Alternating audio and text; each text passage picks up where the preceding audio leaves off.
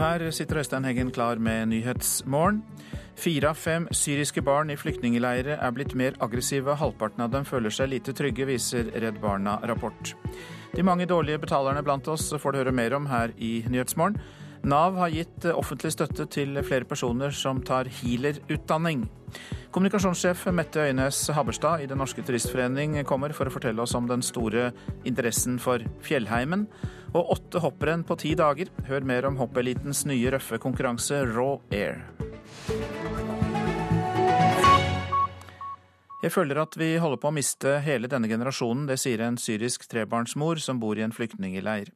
Redd Barna sier i en rapport som utgis i dag, at 80% av barna blir mer aggressive, og halvparten føler seg aldri eller nesten aldri trygge på skolen. Barna selv har ofte vært vitne til grove voldshandlinger i Syria, eller levd med utrygghet tett på seg.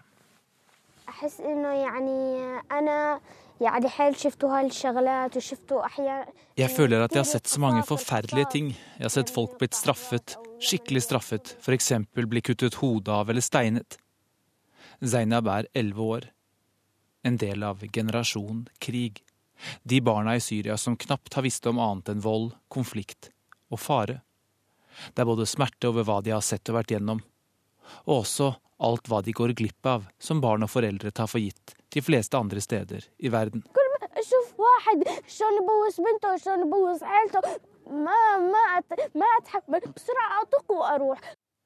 Jeg ser døtre som blir kysset av familien sin. Da klarer jeg ikke å smile, men løper av gårde og gråter, forteller hun. Zaineb er ikke hennes egentlige navn.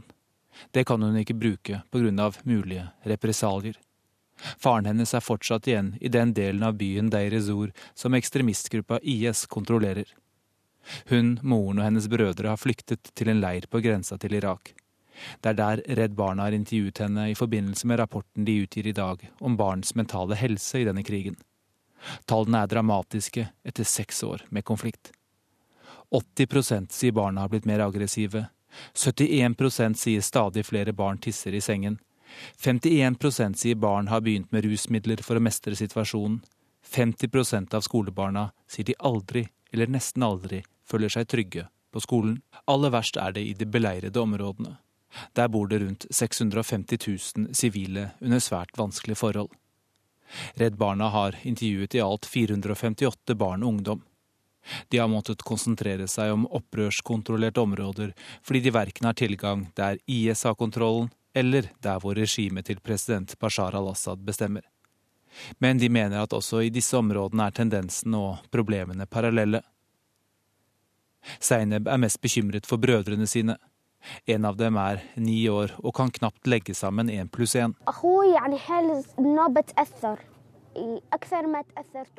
Broren min blir veldig påvirket av krigen. Mer enn meg, sier hun. Moren deres har tatt dem med til flyktningleiren i håp om hjelp. Sønnene har blitt mer voldelige og slår ofte søsteren.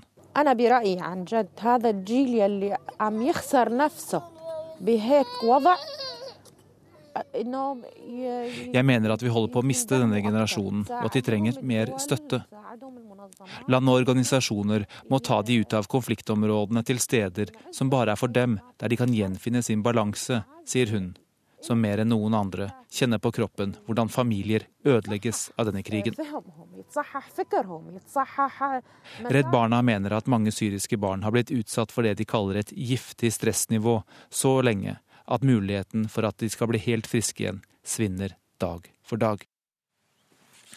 Og det var eh, Sigurd Falkenberg Mikkelsen som hadde laget denne rapporten. Som vi eh, hørte i Dagsnytt, mange sliter med å betale regningene sine. Den siste måneden har det blitt 75 eh, 000 flere dårlige betalere her i landet. Markedsdirektør Richard Harborg i data- og analyseselskapet Bisnode mener kredittgjeld er noe av forklaringen. Det er helt klart mer kreditt tilgjengelig i markedet nå enn for bare ti år siden f.eks. Men samtidig så har nok eh, nordmenns holdning til det å oppta kreditt også endret seg med det. Og det, det, vil jeg si er et, eh, både et holdningsproblem og et samfunnsproblem hvis det går ut av kontroll. Over 250 000 nordmenn er registrerte dårlige betalere med betalingsanmerkning. Og de skylder 43 milliarder kroner for varer og tjenester de ikke har betalt på lang tid. Data- og analyseselskapet Bisnode har undersøkt hvem de er. Og det er klart at det er mange som ikke burde fått kreditter.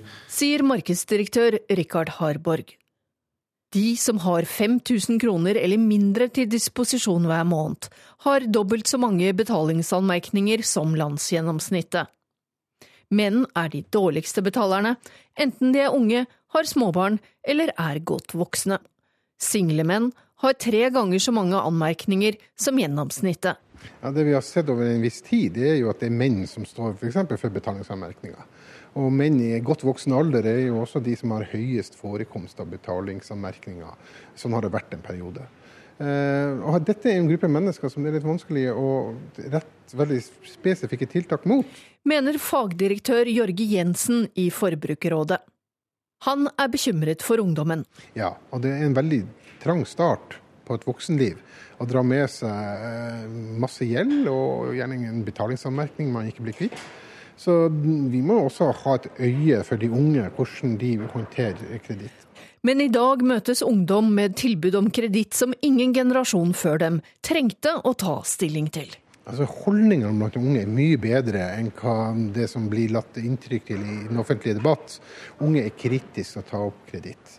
Men det vi må huske er at dagens unge møter jo tilbud om kreditt i stort monn i en ung alder som ikke foregående generasjoner ble utsatt for. Så de er rett og slett mer utsatt? Ja, unge er mer utsatt. Og de er utsatt for eh, mange som har lyst til å selge kreditt. Og det er et stort trykk i markedsføringa på kreditt eh, som tidligere generasjoner slapp. Reporter eh, Hedvig Bjørgum. Som vi hørte i Dagsnytt, stadig flere nordmenn ønsker seg til fjells. I fjor hadde Den norske turistforening 33 000 flere overnattinger enn året før, og foreningen hadde også en medlemsvekst på nær 8% Så da er vel dere fornøyd, kommunikasjonssjef Mette Øynes Haberstad, god morgen. God morgen. Det er klart vi er strålende fornøyd med at mange har lyst til å bruke tilbudet. Hva er det som får flere av oss til å dra til fjells? Jeg tror det er en kombinasjon av at eh, det er en avslappende ferieform. Vi kan koble av fra digitale duppeditter og bare nyte naturen. Og så er mange opptatt av å være aktive. Eh, komme seg ut og få påfyll. Uh, er det populært også blant unge, eller er det gamle travere som stiller opp på hyttene deres? Er, det er utrolig gledelig å se at vi har en kjempevekst mellom barn og unge. Det er faktisk den gruppen som vokser mest. Eh, og det tror vi handler om at vi har vært gode til å lage tilbud som også passer eh, for dem. Eh, vi har egne tilbud for ungdom. Og det er rimelig for ungdom å reise på hyttene våre. Og for barn som er medlemmer, så bor de gratis. Det er klart det teller. Så det er mange muligheter for å få fantastiske naturopplevelser. Det er jo det det handler om. Norge er full av dem. Og det er massevis av uoppdagede uoppdagede perler rundt omkring. Så nå har vi lansert en turkatalog med de 53 beste turene for sommeren. Og der er det garantert noen steder man ikke har opplevd før. Er det sommeren eller er det vinteren som uh, trekker mest folk? Uh, historisk så ser vi at det er sommeren som er høytid, men nå med den store voksende interessen for toppturer om vinteren med randonee-utstyr, så er vinteren virkelig på, på gang. Og påsketider, det, det, er veldig stor høysesong for oss. Så nå ser vi at mange er ute og booker turene sine mye tidligere enn før. Vi har en 40% økning i bookinger på turer allerede nå, og det betyr at det er viktig å være være tidlig ute hvis man vil være med på en tur. Det er jo Unnskyld, tradisjonelt eh, folk som har vokst opp her i landet som eh, går på fjelltur. Men har dere også tall som viser eh, interesse blant utlendinger? Ja, definitivt. Det er kjempeinteresse. Det er kjempevekst blant internasjonale turister. Og, og vi ser også at folk har blitt mye bedre til å tilegne seg kunnskap, så de melder seg på kurs. Så det er klart at mange av disse fokuset på dette med fjellvett og redningsaksjonene som har vært, gjør at folk skjønner at det er viktig å fylle på med friluftskunnskap. Men stadig flere søker seg til fjellet. Får man fjellets ensomhet da, tro? og det er det som er så fantastisk med Norge. Det er ingen grunn til å gå i kø. Eh, det er klart det er noen ikoniske turer som veldig mange ønsker å ta, men det fins alltid en eh, vel så flott tur eh, et annet sted i landet, og det er det vi prøver å sette fokus på med å velge ut noen turer hver sommer som vi plukker ut i en egen liten katalog. Og den fins nå over hele landet i 200 000 eksemplarer eksemplarer. Så det er bare å skynde seg ut i en eh, Kiwi-butikk eller en eh, DNT-butikk i nærheten og så få tak i den. Så kan man få tips. Før du går, eh, trekk fram én tur da, som ikke er så veldig besøkt. Eh, ikke så mange går. Vet du hva, Jeg ville gått eh, kanskje Sylandet-traversen. Den er eh, mellom riksgrensen mellom Norge og Sverige.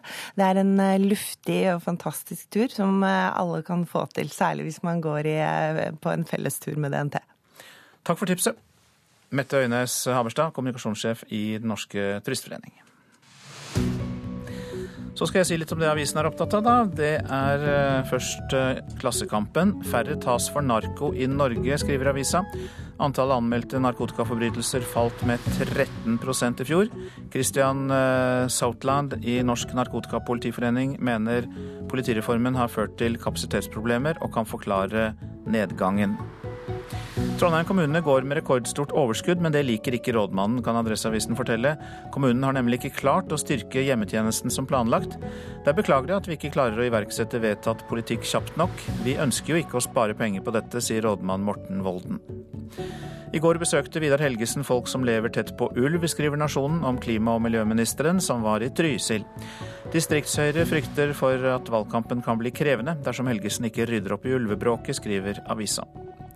Ingen Høyre-statsminister har klart å sitte ved makten i to stortingsperioder, men nå forteller Aftenposten om hvilke saker partiet skal gjøre Erna Solberg til den første som klarer det. Og det er nemlig flere jobber, kunnskap i skolen, kvalitet i omsorgen og styrking av forsvar og beredskap. Det er et slag i trynet, sier Einar Ask til Dagsavisen, som taper 3200 kroner i måneden fordi han er fratatt bostøtte. Flere uføre rammes av den nye inntektsgrensen departementet har fastsatt for å få bostøtte. SVs sosialbyråd i Oslo, Inge Marte Torkelsen, sier til avisa at det kan føre til at kommunen får større utgifter til bostøtte og sosialhjelp. Dagens Næringsliv har saumfart mer enn 70 norske aksjefond. Én forvalter har ni av ti år slått utviklingen på børsen. Og det er Håkon Persen Søderstrøm i Danske Bank, som sier de har gjort feil, men ingen store. Og til slutt om helse og biler. Spis deg frisk fra diabetes kan vi lese i Dagbladet, mens VG forteller oss om rimelige, ladbare biler med enorme bagasjerom. Denne uka starter den splitter nye hoppkonkurransen Raw Air. Hoppgutta skal gjennom åtte renn på ti dager, og starter i Holmenkollen fredag. NRKs hoppekspert Anders Jacobsen tror det kan bli en av de tøffeste hoppkonkurransene noensinne, og har Johan André Forfang som sin favoritt. Det har vært litt av en berg-og-dal-bane her. Det å få en medalje på siste forsøk her nå, det var, det var så godt. Etter medaljeseremonien i Storbakken i Lahti, hvor Norge ble nummer to i lagkonkurransen, satt Johan André Forfang ord på følelsen av å endelig få en opptur etter et VM med stort sett nedturer. Mens avslutningen for hopperne ble markert med fyrverkeri.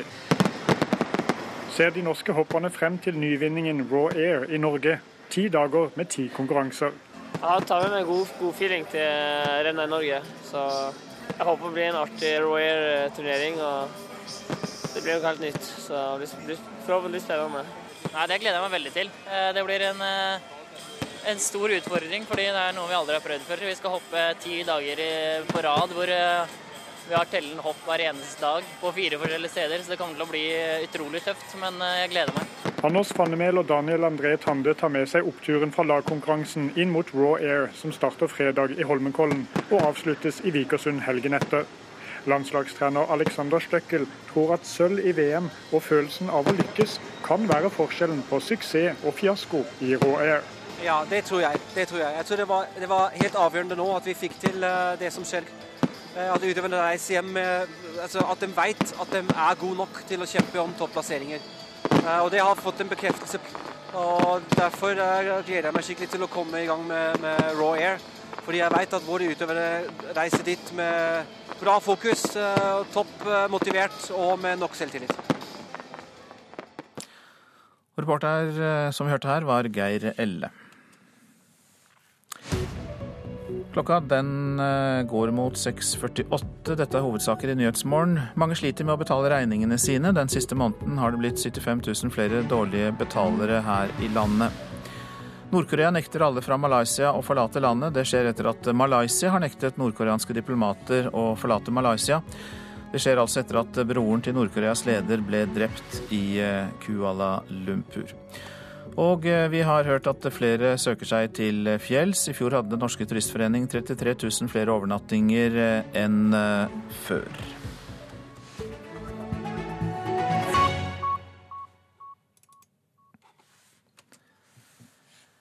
Og vi skal høre om at Nav gir offentlig støtte til flere personer som tar healerutdanning eller kurs ved flere alternative skoler. Det er Vårt Land som skriver om tømrer Daniel André Lystad, som har fått støtte til å omskolere seg til å bli såkalt Rainbow Reiki-mester.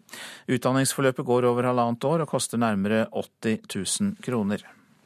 Etter tolv år som tømrer og ventilasjonsarbeider sa ryggen stopp for Daniel André Lystad.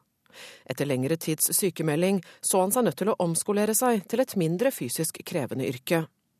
Et møte med helbredelsesmetoden Rainbow Reiki på Alternativmessa på Lillestrøm ga ham ideen til en ny yrkesvei, og etter først å ha fått avslag på forretningsideen som selvstendig healer, fikk han i fjor godkjenning av Nav til et utdanningsforløp som koster nærmere 80 000 kroner. Avisen Vårt Land har vært i kontakt med seks alternative skoler i Norge, hvorav fem av dem melder at de har hatt eller har én eller flere elever som har fått statlig støtte til å ta utdanning eller kurs hos dem. Professor i fysiologi, Christian Gundersen, mener staten ikke bør gi støtte til denne typen utdanninger, som han mener ikke er samfunnsnyttige. Ifølge Nav skjer støtten til alternative utdanninger i svært begrenset omfang. Reporter Kristine Næss Larsen. Flere enslige mindreårige asylsøkere i Lofoten har forlatt mottakene de siste månedene i frykt for å bli sendt tilbake til hjemlandet. Ved mottaket for enslige mindreårige asylsøkere i Vestvågøy har halvparten stukket av. Mottaksleder Tom Edvardsen sier det står dårlig til med flere av beboerne. Ja, etter at de begynte å få eh, svar på sakene sine, så er det selvfølgelig blitt endra. Mer depresjon, ønsker ikke å gå på skolen, og hvorfor skal vi leve? Mottaksleder Tom Edvardsen er bekymra. Etter hvert som flere har fått avslag om opphold, har samtalene med de unge asylsøkerne blitt mer og mer urovekkende. Men er det sånn at folk kommer til deg og sier at 'jeg orker ikke leve mer'? Ja da, det er flere gutter som har sagt det. Det var 40 gutter her da mottaket åpna høsten 2015. De fleste fra Afghanistan. 15 år gamle Hakbin forteller at halvparten har lagt ut på ny flukt. Ca. 2022 Eh, reise. Det er frivillig å bo på mottak. Edvardsen sier at flere av de som har reist, tar kontakt. Jeg har kontakt med en del av de, som er da i Østerrike, Tyskland, Frankrike. Sist en i morges så spurte hva han skulle gjøre, ut ifra franske myndigheter ikke vil ha han.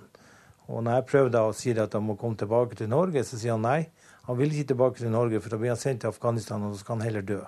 Ifølge Utlendingsdirektoratet er det i dag trygt for asylsøkere å dra tilbake til Afghanistan. Derfor får de fleste avslag. Men flere bekymringsmeldinger fra mottak har ført til at UDI følger ekstra med, sa regiondirektør Bjørn Fridfelt i UDI i nord til NRK i februar. Men å dra tilbake er altså uaktuelt for mange. Hamid har fått midlertidig opphold, men må ut når han fyller 18 år. Det er til høsten. Jeg kan ikke eh, reise i Afghanistan fordi jeg har problemer så mye. Fordi jeg drar andre land. Torgeir Selbo er verge for flere av de unge afghanerne. Han er bekymra for hva som skjer når ungdommene forlater mottaket. De vil bli en del av den grå eller sorte økonomien. De vil være veldig sårbare, veldig lett eh, for å bli utnytta. Eh, en del av dem er så skada de også kan være en, en lett, et lett offer for uh, radikale elementer. To unge afghanere spiller biljard på mottaket i Vestvågøy. Økt bemanning har gjort situasjonen for de ansatte litt lettere, men Det er tungt å snu et menneske som er kommet i en situasjon hvor, hvor de ser bare to løsninger. Ja, Å reise til et annet land eller å forlate denne verden. Reporter var Kari Skeie. Datatilsynet vil ha slutt på at barn under 13 år kan lyve på alderen når de registrerer seg på sosiale medier som Snapchat og Instagram. Nå vil de at deltakelse på disse mediene må godkjennes av foreldrene.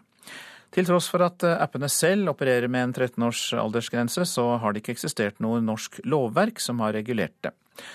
Barn NRK har snakket med, syns det er bra med tydelige norske aldersgrenser. Ja, det syns jeg virkelig. For hvis det ikke hadde vært noen aldersgrenser, og da, hvis det ikke hadde vært noen, så kunne liksom de som er liksom under fem og noen hadde vært helt gærne og liksom gitt det til de. Jeg synes kanskje 13, fordi da skjønner man liksom mer eh, hva som eh, er greit å legge ut når du lager en konto på et sosialt medium, så gir du fra deg informasjon om hvem du er. De vet hvor gammel du er, hva du heter og ofte hva din e-postadresse og telefonnummer er. Etter hvert legger du ut bilder og oppdateringer som sier noe om hvem du er. Denne informasjonen kan selskapene tjene store penger på å selge videre, men EU mener at barna skal beskyttes fra å måtte gi fra seg slik informasjon. Jeg er på Instagram så er litt sånn på Musically. Selv om egentlig ikke det, jeg vet ikke om det er en sosial medie. Så jeg skal, jeg skal få Snapchat, men jeg har ikke brukt den ennå. Flere av de sosiale mediene som Theodor nevner, har ifølge appene sjøl ei 13 års aldersgrense. Direktør i Datatilsynet, Bjørn Erik Thon, har klare anbefalinger til politikerne før lova skal skrives. Eh, ja, Om ett år så skal det innføres en aldersgrense for når man kan bli medlem av Facebook eller Snapchat eller Instagram eller hva det er for noe. Og vi anbefaler at barn skal få lov til å bestemme sjøl om de skal bli medlem når de er 13 år. Men hvis de er yngre enn det, så skal foreldrene være med og bestemme. Altså vil Datatilsynet legge seg på aldersgrensa som appene sjøl har sett. Forskjellen fra i dag er likevel at de må gjøre noen endringer for å tilpasse seg ei eventuell ny lov i Norge. Nå vil Datatilsynet at foreldre skal gi sitt samtykke, altså si ja eller nei før de som er under 13 kan registrere seg. Så da må du gå og eh, snakke med mor og far, og eh, så må jo Facebook eller Snapchat eller hvem som helst lage en eller annen løsning, sånn at eh, de får tak i foreldrene sånn at de kan si ja eller nei. Så det er rett og slett opp til Facebook og Snapchat og alle de andre å finne ut hvordan de skal sørge for at foreldra sier ja. Reporter her var eh, Katrine Nybø. Pressestøtten må endres, det mener et klart flertall på Stortinget. I dag legger Mediemangfoldsutvalget fram sin rapport om hvordan de mener norske medier skal finansieres i framtida. Aviser som i dag nyter godt av pressestøtten, kan gå tøffere tider i møte. Høyres Kårstein Løvaas skjønner at de derfor er nervøse. Jeg tror det er veldig mange avishus i Norge som er bekymret. Både for eh, annonseinntekter, for abonnenter og også eh, for pressestøtte. Store deler av Medie-Norge holder pusten før Mediemangfoldsutvalget legger fram sin rapport i dag. Mediene er under sterkt økonomisk press, og spørsmålet er hvordan statlige midler kan bidra til å opprettholde et rikt medietilbud som er til det beste for samfunnet. Og det kan bli store endringer. Kårstein Løvaas, som er mediepolitisk talsmann i Høyre, vil restarte hele ordninga for pressestøtte. Jeg tror det er behov for en kontroll alt delete, og jeg håper at denne eh, rapporten fra eh, Mediemangfoldsutvalget kan være grunnlaget for nettopp den debatten. Han får støtte av både Arbeiderpartiets Arild Grande Produksjonstilskuddet ser vi at det treffer eh, for skjevt. Noen får veldig store tilskudd, mens andre får nesten ingenting. Og Ib Thomsen i Fremskrittspartiet. Vi ser at nå at noen få får mye om, om selve pressestøtten er forfalt, så i hvert fall fordelinga bør være annerledes. Klassekampen, Vårt Land og Dagsavisen er de tre avisene som fikk mest av den direkte pressestøtta i fjor. Hver av de fikk rundt 40 millioner kroner av en pott på 313 millioner. Den direkte pressestøtta fordeles mellom lokalavisene, nummer to- og nummer tre-avisene i de største byene, og riksdekkende meningsbærende aviser. Eh, det at eh, noen nærmest har gjort det til en forretningsidé å motta pressestøtte, at noen ytterst få stikker av med veldig veldig mye, er jo en av de store svakhetene ved ordningen slik den er i dag. Det sier Kårstein Løvaas i Høyre. Men for Dagsavisen så er pressestøtta et være eller ikke være. Det sier redaktør Eirik Hoff Lysholm. Nei, altså Det er jo et spørsmål om vi har altså vi, vi, noe, vi, hadde jo ikke eksistert i dag hvis ikke man hadde hatt en sånn type støtteordning. og Det er jo også viktig å uh, ta med seg dette regnestykket at Klassekampen, Vårt Land, Dagen, Bergensavisen, i Tromsø Alle disse avisene som er i en ek ekstra hard konkurranseposisjon målt mot uh, en del andre aviser, ville ikke ha eksistert i dag uten en sånn støtteordning. Om vi overlever med et, et kutt på det ene eller det andre, vi er nødt til å tilpasse oss markedet uansett, og så får vi se hvordan det går. Reportere Oddvin Aune og Mari Sand Malm. Svenske alkoholforskere vil senke grensen for anbefalt maksimalinntak av alkohol for menn til samme nivå som for kvinner, skriver svenska Dagbladet. I dag anbefaler både svenske og norske helsemyndigheter maks ni alkoholenheter for kvinner og 14 for menn per uke. Blant eh, forskernes argumenter er at kvinner ser ut til å tåle alkohol bedre og sjelden eh, havner i voldelige situasjoner i fylla.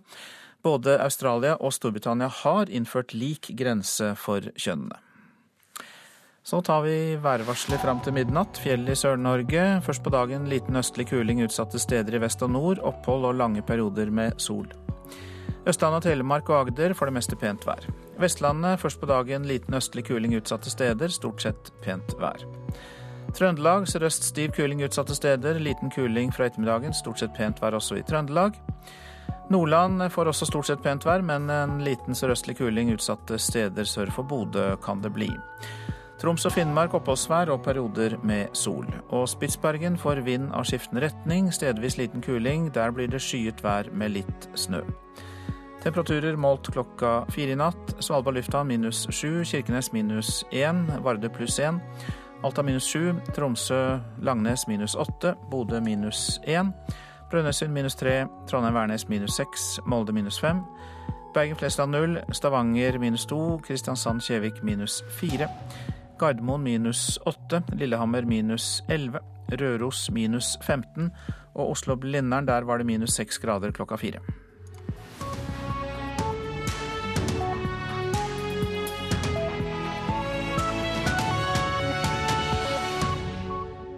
Spillerom i dag. Helt foran står vokalisten. Et steg bak på scenen står gjerne gitaristen, mens bassisten gjerne holder skansen helt i bakgrunnen, som en mer mystisk figur. Sånn burde det kanskje ikke være, for forskning viser at bassisten faktisk er det viktigste medlemmet i bandet. Fra 11 til 12, spillerom på NRK P2. Det er alvorlig svikt i barnevernet i mange kommuner, viser tilsyn. Folk som setter opp ulovlige mobilforsterkere, ødelegger dekningen for andre. Her er NRK Dagsnytt klokka sju. Barnevernstjenesten i mange kommuner bryter loven og klarer ikke å behandle bekymringsmeldinger de får inn på en god nok måte. Det viser egenrapporteringer og tilsyn fylkesmennene og Helsetilsynet har gjort hos barnevernet i rundt halvparten av landets kommuner. Ved i alt 49 av 57 kontorer som ble undersøkt av fylkesmennene, så ble det funnet regelbrudd. Det kan få svært alvorlige konsekvenser, sier assisterende direktør i Helsetilsynet, Jo Kittelsen. I dette tilsynet så har vi sett at, eh, at, for mange kommuner svikter når det gjelder å gripe inn eh, i tide og med rett kompetanse for å forhindre at barn må leve med grov omsorgssvikt. Det er ikke alle barnevernmeldinger som eh, viser seg å, være grov omsorgssvikt, men det vet vi ikke før vi har undersøkt. Myndighetene i Malaysia nekter nordkoreanske diplomater å forlate landet. Det skjer etter at Nord-Korea har bestemt at folk fra Malaysia ikke får lov til å forlate Nord-Korea. Bakgrunnen er striden som har oppstått etter at halvbroren til Nord-Koreas leder ble drept i Malaysia for tre uker siden. Nord-Korea kritiserer etterforskningen og krever bedre svar på hva som skjedde. USA vurderer å skille barn fra foreldrene dersom de krysser grensen fra Mexico til USA uten nødvendige papirer. Det sier minister for innenlandssikkerhet John Kelly til CNN. Han påpeker at USAs barnevern har lang erfaring med å ta vare på enslige mindreårige. Målet er å skremme folk fra å prøve å krysse grensen ulovlig. Folk som installerer ulovlige private dekningsforsterkere, stjeler mobilnett fra andre. Telenor ber hver eneste uke Nasjonal kommunikasjonsmyndighet om hjelp til å finne og fjerne slike mobilforsterkere. Seksjonssjef Per Eirik Heimdal i Nasjonal kommunikasjonsmyndighet advarer mot å bruke disse forsterkerne. Vi har noen eh, alvorlige tilfeller av forstyrrelser når eh, mobiloperatørene klager, og det er såkalte GSM-forsterkere. Dvs. Si at man på nettet eh, kjøper seg mobilforsterkere for å skape dekning i en kjeller eller på hytta. Det kan sørge for at du kanskje får dekning, mens andre kan få ødelagt sin dekning. Så det er ulovlig og medfører i de aller fleste tilfellene boter. Nav har gitt eh, offentlig støtte til flere personer som tar healerutdanning eller kurs ved flere alternative skoler, det skriver Vårt Land. Avisen har vært i kontakt med seks alternative skoler i Norge, hvorav fem melder at de har hatt eller har en eller flere elever som får slik statlig støtte. NRK Dagsnytt, Anne Jetlund Hansen.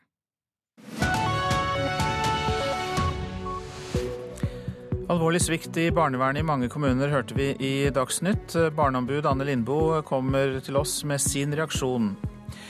Han var i hardt vær etter svindelbeskyldninger, men er den konservative presidentkandidaten i Frankrike i ferd med å ta tilbake initiativet, spør vi. Tyrkias president beskylder Tyskland for nazimetoder. Forbundskansler Merkel mener Erdogan misbruker naziofrenes ufattelige lidelser. Og aldri før har så mange meldt seg inn i samemanntallet på så kort tid. Som vi hørte i Dagsnytt, så er det avdekket alvorlig svikt i barnevernet. I mange kommuner klarer de ikke å behandle bekymringsmeldinger på en god nok måte. Det viser egenrapporteringer og i tillegg tilsyn fylkesmenn og helsetilsyn har gjort hos barnevernstjenesten i rundt halvparten av landets kommuner. I alt 49 av 57 kontorer som ble undersøkt av fylkesmennene, der ble det funnet regelbrudd. Og det kan få svært alvorlige konsekvenser, sier assisterende direktør i Helsetilsynet Jo Kittelsen. I dette tilsynet så har vi sett at, eh, at, for mange kommuner svikter når det gjelder å gripe inn eh, i tide og med rett kompetanse for å forhindre at barn må leve med grov omsorgssvikt. Det er ikke alle barnevernmeldinger som eh, viser seg å, være grov omsorgssvikt, men det vet vi ikke før vi har undersøkt. I rapporten kommer det fram at mange barnevernskontorer henlegger saker som burde vært undersøkt nøyere. Mange sjekker f.eks. ikke om det fins tidligere bekymringsmeldinger om samme barn eller søsken. Og mange unnlater å undersøke bekymringsmeldinger som kommer på telefon. I tillegg gis det ofte ikke tilbakemeldinger til de som kommer med bekymringsmeldingene. Det svekker hele systemet, sier Kittelsen. Det er viktig av to grunner. Den ene grunnen er at, eh, at, det er nødvendig for en lærer eller en barnehaveansatt eller en helsepersonell, helsesøster, å vite eh, om det skjer noe for det barnet, slik at de vet om de må fortsette å melde og hvordan de skal følge opp. Det andre er at det å ha sendt inn en melding og så ikke vite om noe skjer, det underminerer eh, legitimiteten til meldesystemet. I rapporten kommer det ifølge Helsetilsynet ikke fram noen systematiske forskjeller mellom kvaliteten på barnevernet i store og små kommuner. Mimmi Kvisvik leder Fellesorganisasjonen som organiserer de fleste barnevernsarbeiderne. Hun mener problemet er mangel på penger. Dette er jo en eh, veldig alvorlig situasjon. og Vårt utgangspunkt er at vi får jo ikke et bedre barnevern enn det vi er villige til å betale for. Barnevernet sånn som det er i, i dag, er kapasitetsmessig helt uh, sprengt. Og før vi setter inn ressurser i barnevernet, vil dette bare fortsette. Det er ledelsen i de enkelte kommunene som er ansvarlige for barnevernstjenesten. Og fylkesmennene vil nå følge opp de kommunene der det er funnet lovbrudd. Kittelsen i Helsetilsynet mener at også andre kommuner enn de som er undersøkt, kan lære av rapporten. Det vi håper er jo at ikke bare de som har hatt tilsyn og fått påpekt lovbrudd, går gjennom rapporten og lærer av den og endrer praksis, men at også andre kommuner tenker gjennom er det noe her for oss. Kan noe av dette være svikt også hos oss? Da må vi i så fall rette på det. Og Vi legger til at kommunesektorens organisasjon KS innrømmer at feilene er alvorlige, men sier kommunene det gjelder vil følge opp påpekningene fra Fylkesmannen. Reporter Tom Ingebrigtsen. Barneombud Anne Lindboe, takk for at du kom hit. Jeg regner med at det bekymrer deg. Hva tror du er årsaken til at det står så dårlig til? Det kan være flere årsaker. Eh, en ting rapporten har avdekket, er jo at eh, mange av disse kommunene er preget av dårlig ledelse av barnevernstjenesten. Eh, det er for lite rutiner på plass for å sikre at, at man undersøker bekymringsmeldingene på den måten de faktisk skal undersøkes. Og så er det også et poeng at mange kommuner dessverre underprioriterer barnevernstjenesten. Det er for dårlig finansiert, og de som, som jobber der, står rett og slett i for mange saker i forhold til hva det er mulig å takle på en god måte. Du peker på ressurser, slik det blir gjort i saken, men du peker altså også på rutiner. At de, at de mangler og bør bli bedre. Ja, rapporten viser jo det at, eh, at, en del som jobber med disse sakene, ikke er klar over det lov- og regelverket som faktisk gjelder, og at rutinene innad i barnevernstjenesten, eh, som er en veldig, veldig viktig sikkerhetsventil for ungene, er for dårlige. Hvilke følger kan det få? Det kan få helt katastrofale følger for de barna det gjelder. Og det er jo det ultimate tillitsbrudd hvis noen har meldt barnevernstjenesten om et barn som ikke har det bra, og så blir eh, meldingen rett og slett henlagt og ikke undersøkt. Da risikerer vi at det barnet levende i veldig alvorlige omsorgsbetingelser, kanskje i årevis, eh, uten å få den hjelpen det har krav på. Jeg leste jo i utannonseringen etter saken her at eh, KS sier at kommunene vil følge opp påpekningen fra Fylkesmannen. Men er det nok å peke på den enkelte kommune? Bør det skje noe sentralt også her? Det bør skje noe med lovverket. og I Barneombudet har vi spilt inn at eh, til barnevernslovutvalget, som nå sitter og jobber med en ny barnevernslov, eh, at det må være sånn at barnevernstjenesten er pålagt å igangsette undersøkelser i alle bekymringsmeldinger med alvorlig innhold. Eh, og det vil jo være en nødvendig sikkerhetsventil, for da, da, vil man ikke kunne henlegge på helt feil grunnlag. Og I tillegg så er det viktig med, eh, med gode kontrollfunksjoner, sånn som Fylkesmannen, at man fortsetter å gjøre eh, tilsyn for å sikre at de mest utsatte barna får den hjelpen de har krav på. Har disse problemene økt sterkt i det siste, eller har dette pågått over lang tid? Hvordan er ditt inntrykk av det? Det som er bekymringsfullt, er at dette er jo dette er jo ting som skjer over tid. Og vi har jo sett tidligere tilsyn og rapporter som har avdekket akkurat det samme. Eh, så dette er ikke ny kunnskap for oss i, i Barneombudet, men at det er så utstrakt problem, bekymrer meg. Nå har jeg også veldig lyst til å si at, at uh, veldig mange kommuner og de aller fleste som jobber i barnevernet, de gjør en fantastisk jobb. Og de står under et vanvittig press nå. Så, så utfordringen nå det går først og fremst både til regjeringen i forhold til å få et godt uh, lovverk og sikre nok finansiering av barnevernstjenesten, også til kommuneledelsen. Dere har ansvaret for barnevernstjenesten. Må gå inn uh, og se at de har gode nok arbeidsbetingelser, at regler og rutiner er på plass, og at finansieringen er tilstrekkelig for å gi barna i kommunen kommunen den hjelpen de trenger. Regler og rutiner og ressurser. Eh, er det også noe man bør gjøre med utdanningen av de som skal jobbe med barnevern? Ja, det er også en diskusjon i forhold til, til om den burde være uh, lenger. Og det er klart at det er bekymringsfullt at det er så mange unge um, uerfarne barnevernstjenesteansatte rundt omkring, og at det er stor turnover. Det er en veldig tøff jobb, samtidig som det kanskje er den aller viktigste jobben. Eh, disse folka har tatt på seg på vegne av samfunnet og de mest sårbare barna vi, vi har. Så igjen, det med god ledelse, god støtte eh, i, i barnevernstjenestene eh, er utrolig viktig også for å få folk til å bli og unngå for mye turnover. Og så må man også se på utdannelsen om den burde vært lenger. Mange takk skal du ha, barneombud Anne Lindboe.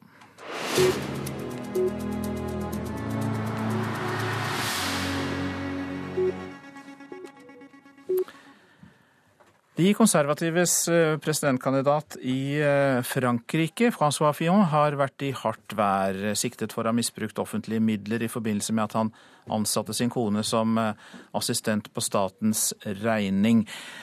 Kommentatorer har spådd at det bare er et spørsmål om tid før han må trekke seg, men nå har ting endret seg.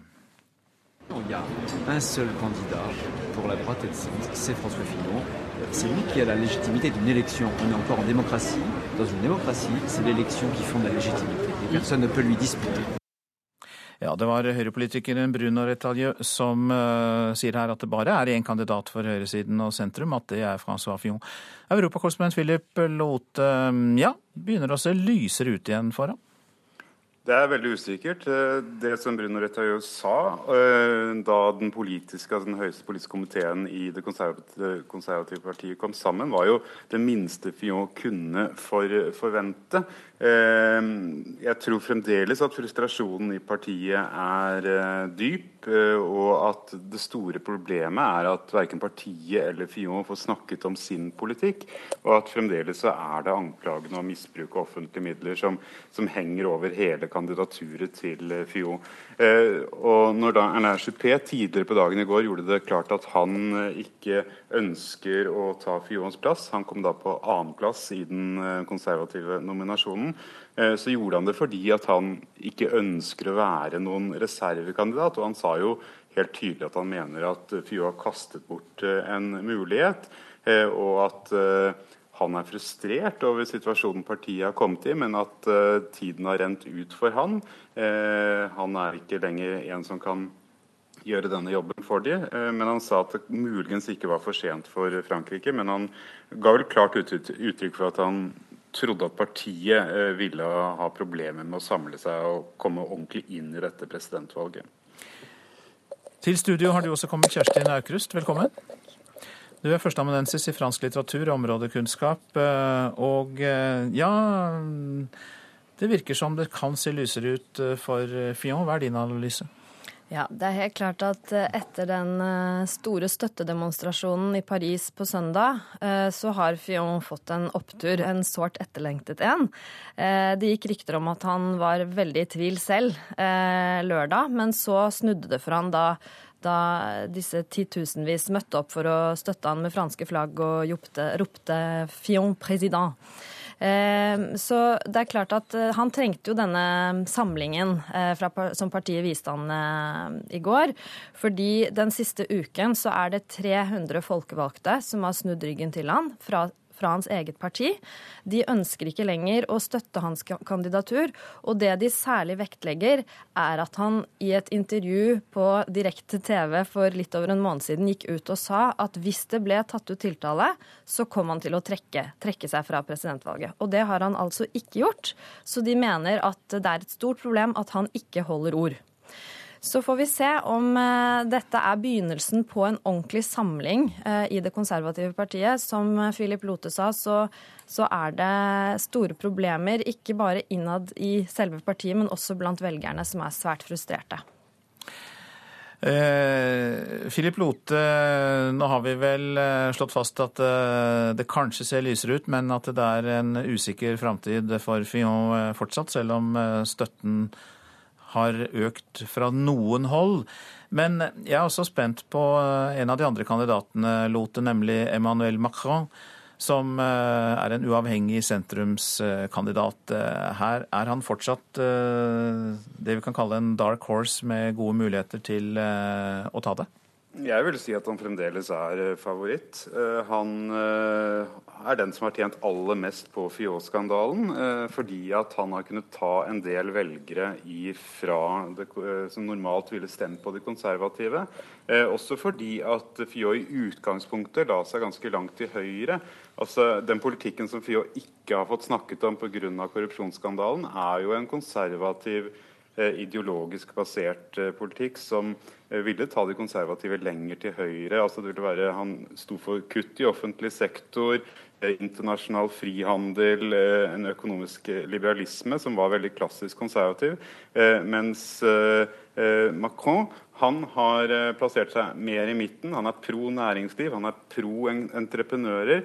Men han ønsker å samarbeide med offentlig sektor og de ansatte der for å reformere det. Han vil ikke tvinge på dem Eh, kutt. Og så er jo også Macron godt hjulpet av at venstresiden og det franske Arbeiderpartiet er så dypt upopulære, så han klarer å ta stemmer fra begge sider. Så uh, Macron er meget godt posisjonert foran dette valget her nå. Uh, og hvis kranglingen hos de konservative ikke avtar, hvis uh, mer, altså, splittelsen fordypes og kommer mer til syne, Eh, så er det noe han vil tjene godt på. Han trenger egentlig ikke å kommentere og, og si så mye om det engang. Ja, Problemene i Sosialistpartiet ble nevnt der, eh, Aukrust. Hvis vi skal eh, se på Fillon Macron, da, før vi til slutt snakker om Marine Le Pen. Er det da et valg når vi snakker om Macron og Fillon mellom konservativ og så litt mindre konservativ? Ja, altså I verdispørsmål så står de ganske langt fra hverandre. Da er Macron langt mer progressiv og, og moderne. Eh, det gjelder både i spørsmål om innvandring eh, og også i, i spørsmål knyttet eh, til homofilt ekteskap f.eks. og adopsjon. Men det som er Macrons store problem, det er at han blir på en måte angripet fra begge kanter på forskjellige måter. Altså Venstresiden anklager han for å være sentrum-høyre-kandidat, mens høyresiden anklager anklager han for å være arvtakeren etter Francois Hollande, og at han er den som på en måte kommer til å bringe videre den svært upopulære politikken til sittende president. Til slutt, eh, den personen vi ikke har snakket om, eh, Aukrust. Er det fortsatt opplest og vedtatt at den ytterliggående høyrekandidaten Nasjonalfront, eh, Marine Le Pen, kommer best ut i første omgang, men kanskje da taper i andre? I denne valgkampen er ingenting opplest og vedtatt. Men det som er sikkert, er at hun fortsatt har en veldig sterk posisjon. Og hennes store styrke er at hun har ekstremt lojale velgere. 80% av de som stemmer på henne, de er bånn sikre i sitt valg. Nå har vi faktisk hatt en måling hvor Macron leder etter første omgang, og det er første gang det har skjedd. Så, så alt er mulig. Men Macron har en, en mye mindre lojal velgergruppe fordi det er så store spørsmålstegn knyttet til hans unge alder og mangel på, på erfaring osv. Så, videre. så ja, alt er fortsatt åpent. Her er det åpent. Takk skal du ha, Kjerstin Aukrust, førsteamanuensis i fransk litteratur og områdekunnskap ved Universitetet i Oslo, og vår korrespondent i Brussel, Philip Lote. Du lytter altså til eh, Nyhetsmorgen, og klokka den har nettopp passert 7.18. Eh, det internasjonale skiforbundet anker avgjørelsen om å utestenge Therese Johaug. Det betyr at forbundet ikke er tilfreds med den 13 måneder lange utestengelsen. Det er en melding vi nettopp fikk inn. Vi har hørt at barnevernstjenesten bryter loven og ikke klarer å behandle bekymringsmeldinger på en god nok måte. Det viser egenrapporteringer og tilsyn fra fylkesmenn og helsetilsyn. Og folk som installerer ulovlige private dekningsforsterkere, stjeler mobilnett fra andre. Telenor ber om hjelp til å finne og fjerne slike mobilforsterkere. Tyske myndigheter reagerer sterkt på at Tyrkias president Recep Tayyip Erdogan anklager landet for å bruke nazimetoder når de avlyser tyrkiske arrangementer i Tyskland foran den tyrkiske folkeavstemningen om ny grunnlov. Forbundskansler Angela Merkel sier hun er skuffet over utspillet som faller på sin egen urimelighet, og at Erdogan med dette misbruker de ufattelige lidelsene som ofrene for naziregimet ble utsatt for. Det skal vi høre her. Ich persönlich empfinde das einfach nur als traurig. Ist das alles aber, weil NS-Vergleiche letztlich immer nur zu einem führen, nämlich dazu, dass das unfassbare Leid der Menschheitsverbrechen des Nationalsozialismus damit verharmlost wird und schon deshalb disqualifizieren sich solche Äußerungen von selbst. Ja, Guri Nordstrøm, vår korrespondent i Berlin, fortell oss mer om bakgrunnen for denne konflikten. Bakgrunnen for dette er at Tyrkia skal ha en folkeavstemning 16.4 som handler om å gi president Erdogan mer makt. I den anledning ønsker hans parti å holde valgkampmøter i Tyskland. Men tyske myndigheter har fire ganger de siste dagene avlyst disse valgkampmøtene rundt om i Tyskland. Og det har da gjort at den tyrkiske presidenten reagerer ved å si at tyskerne nå bruker nazimetoder. Hvorfor er Tyskland så interessant for Tyrkia? Her i Tyskland så bor det rundt 1,3 millioner tyrkere med dobbelt statsborgerskap som kan stemme ved dette valget i Tyrkia i april. Og veldig mange av tyrkerne som bor her i Tyskland, de er konservative Erdogan-tilhengere. Så det er godt mulig at han får fisket en del stemmer her. Og dette blir et valg der hver stemme kommer til å telle. I siste meningsmåling i Tyrkia om å gi mer makt til Erdogan, så sa 53% ja, 37% nei, mens 10% fortsatt er usikre.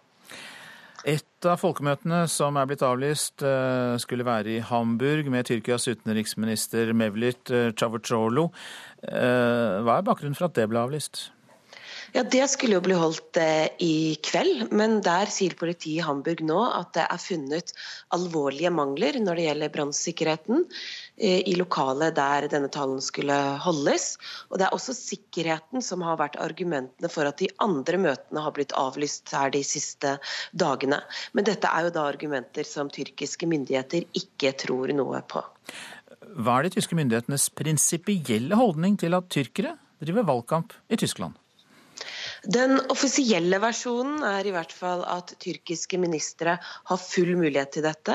Eh, det har tyske myndigheter sagt flere ganger. Også da Merkel kommenterte saken i går ettermiddag, så gjentok hun at eh, arrangementer som dette er en del av ytringsfriheten som står sterkt i Tyskland. Eh, men at man for å få holde slike møter også må følge tyske regler når det gjelder å søke om tillatelse, og at man må overholde sikkerhetsforskriftene. Men det har jo vært en del negative reaksjoner i andre EU-land om at Tyrkia skal reise rundt og holde valgkampmøter som dette. For det er jo ikke bare i Tyskland de ønsker å gjøre dette. Eh, både i Østerrike og Nederland så har eh, utenriksministrene sagt at de ikke ønsker at tyrkerne skal flytte valgkampen til sine land, og med det eksportere sine konflikter eh, ut av av eh, Tyrkia. Guri Nordstrøm, korrespondent i Berlin, takk skal du ha. I Ukraina bestemte en dommer i hovedstaden Kiev i natt at sjefen for skatte- og tolletaten ikke får forlate landet etter at han er beskyldt for å ha sørget for at verdier for rundt 500 millioner kroner er unndratt skatt. Han skal holdes arrestert inntil han garanterer for et større kausjonsbeløp. Og eh, korrespondent Morten Jentoft i eh, Moskva, her trenger vi å vite litt om bakgrunnen for det som skjer. Ja, dette handler altså om sjefen for eh, toll- og skattevesenet i Ukraina, 38 år gamle Roman Nazirov. Han har hatt den jobben i eh, to år. Men han eh, beskyldes altså for å ha dekket over store beløp som er unndratt skatt. Det gjelder beløpet bl.a. fra en forretningsmann som også har sittet i det ukrainske parlamentet. Sånn at dette er en sak som går inn i kjernen i kampen mot korrupsjonen i Ukraina Ukraina. Eh, Roman eh, Nazirov ble utnevnt til denne jobben av president Petro Porosjenko. Eh, og det har inntil det siste, inntil i natt faktisk, det har vært strid om det er mulig å få en så høystående tjenestemann da satt fast for dette, men til slutt så ga altså eh, dommeren i en lokal rett i hovedstaden Kiev i natt etter. Og, og, og eh, Roman Nazirov han er nå da eh, dømt til, 30, til 60 dager, eller han skal nå sitte 60 dager i, i eh, varetekt. Han kan riktignok bli satt fri mot uh, kausjon. sånn at uh, dette ser jo da eh, de som mener at kampen mot korrupsjonen i Ukraina nå virkelig må, må, må skjerpes de ser på dette som en stor seier. Og Det har ikke gått upåaktet hen? Det har vel vært demonstrasjoner også i tilknytning til dette allerede? Ja da, det har vært eh, demonstrasjoner utenfor rettssalen i eh, Kiev. Det har vært en veldig spesiell situasjon etter at det ble klart at eh, Nazirov nå da eh, anklages for eh, denne omfattende korrupsjonen. Han ble plutselig syk eh, midt under denne prosessen og ble fraktet inn i retten rettssalen på en sykeseng. I natt så satt han riktignok eh, oppreist, men eh, hundrevis av demonstranter har vært utenfor rettssalen. De mener at det var en fare for at Nasirov kunne komme til å stikke av fra Ukraina, men nå er han fratatt passet sitt også, sånn at også på det området så har demonstrantene vunnet fram. Og det gjør det jo ikke mindre interessant at sporene kanskje kan lede helt eh, mot toppen i det ukrainske samfunnet? Eh, nei, eh, Nazirov, er, Nazirov, er, som jeg sa en, en, alliert til president. Han har vært en alliert til president Petro Porosjenko. Nå sa riktignok Petro Porosjenko i går at han mener at det som nå skjer rundt sjefen for skatt- og tolletaten debatten. Det viser at Ukraina mener alvor når det gjelder kampen mot uh, korrupsjonen. Uh, kritikerne mener at det er en, en uttalelse som det kan stilles tvil om når man ser på den praksis som Petro Porosjenko og hans tilhengere har ført. Men det er klart at internasjonalt så er det mange som mener at dette er svært, svært viktig og kanskje helt avgjørende for Ukrainas videre framtid i Europa. At man nå virkelig viser at man tar kampen mot korrupsjon på alvor og også da eh, eh, fører en rettssak mot sjefen for eh, toll- og skatteetaten i landet. Morten Jentoft i Moskva, takk skal du ha. Vi titter litt på det avisen er opptatt av. Blir healer med støtte fra Nav, skriver Vårt Land. Alternative skoler forteller at elever har fått statlig støtte til å ta healerutdanning hos dem. Det har begrenset omfang, sier Nav. Fysiologiprofessor Christian Gundersen ved Universitetet i Oslo syns Nav bør spørre seg selv om samfunnsnytten av slik støtte. Færre tas for narko i Norge, er oppslaget i Klassekampen. Antall anmeldte narkotikaforbrytelser falt med 13% i fjor. Norsk Narkotikapolitiforening eh, mener at politireformen har ført til kapasitetsproblemer og kan forklare nedgangen. Trondheim kommune går med rekordstort overskudd, men det liker ikke rådmannen, kan Adresseavisen fortelle. Kommunen har nemlig ikke klart å styrke hjemmetjenesten som planlagt. Det er beklagelig at vi ikke klarer å iverksette vedtak eh, kjapt nok. Vi ønsker jo ikke å spare penger på denne måten, sier rådmann Morten Volden. I går besøkte Vidar Helgesen folk som lever tett på ulv, skriver Nasjonen. Klima- og miljøministeren var i Trysil. Distriktshøyre frykter for at valgkampen kan bli krevende dersom Helgesen ikke rydder opp i ulvebråket, skriver avisa. Ingen Høyre-statsminister har klart å sitte ved makten i to stortingsperioder etter hverandre, men nå forteller Aftenposten om eh, hvilke saker partiet skal eh, sette i verk for å sørge for at Erna blir den første. Det er flere jobber, kunnskap i skolen, kvalitet i omsorgen og styrking av forsvar og beredskap. Det er et slag i trynet, sier Einar Ask til Dagsavisen. Han taper 3200 kroner i måneden fordi han er fratatt bostøtte. Flere uføre rammes av den nye inntektsgrensen departementet har fastsatt. SVs eh, sosialbyråd i Oslo, Inge Marte Torkelsen, mener det kan føre til at kommunen får større utgifter til eh, kommunal bostøtte og sosialhjelp.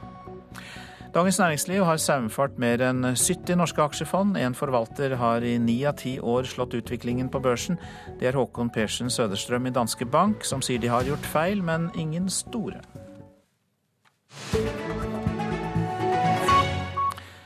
Aldri før har så mange meldt seg inn i samemanntallet på så kort eh, tid.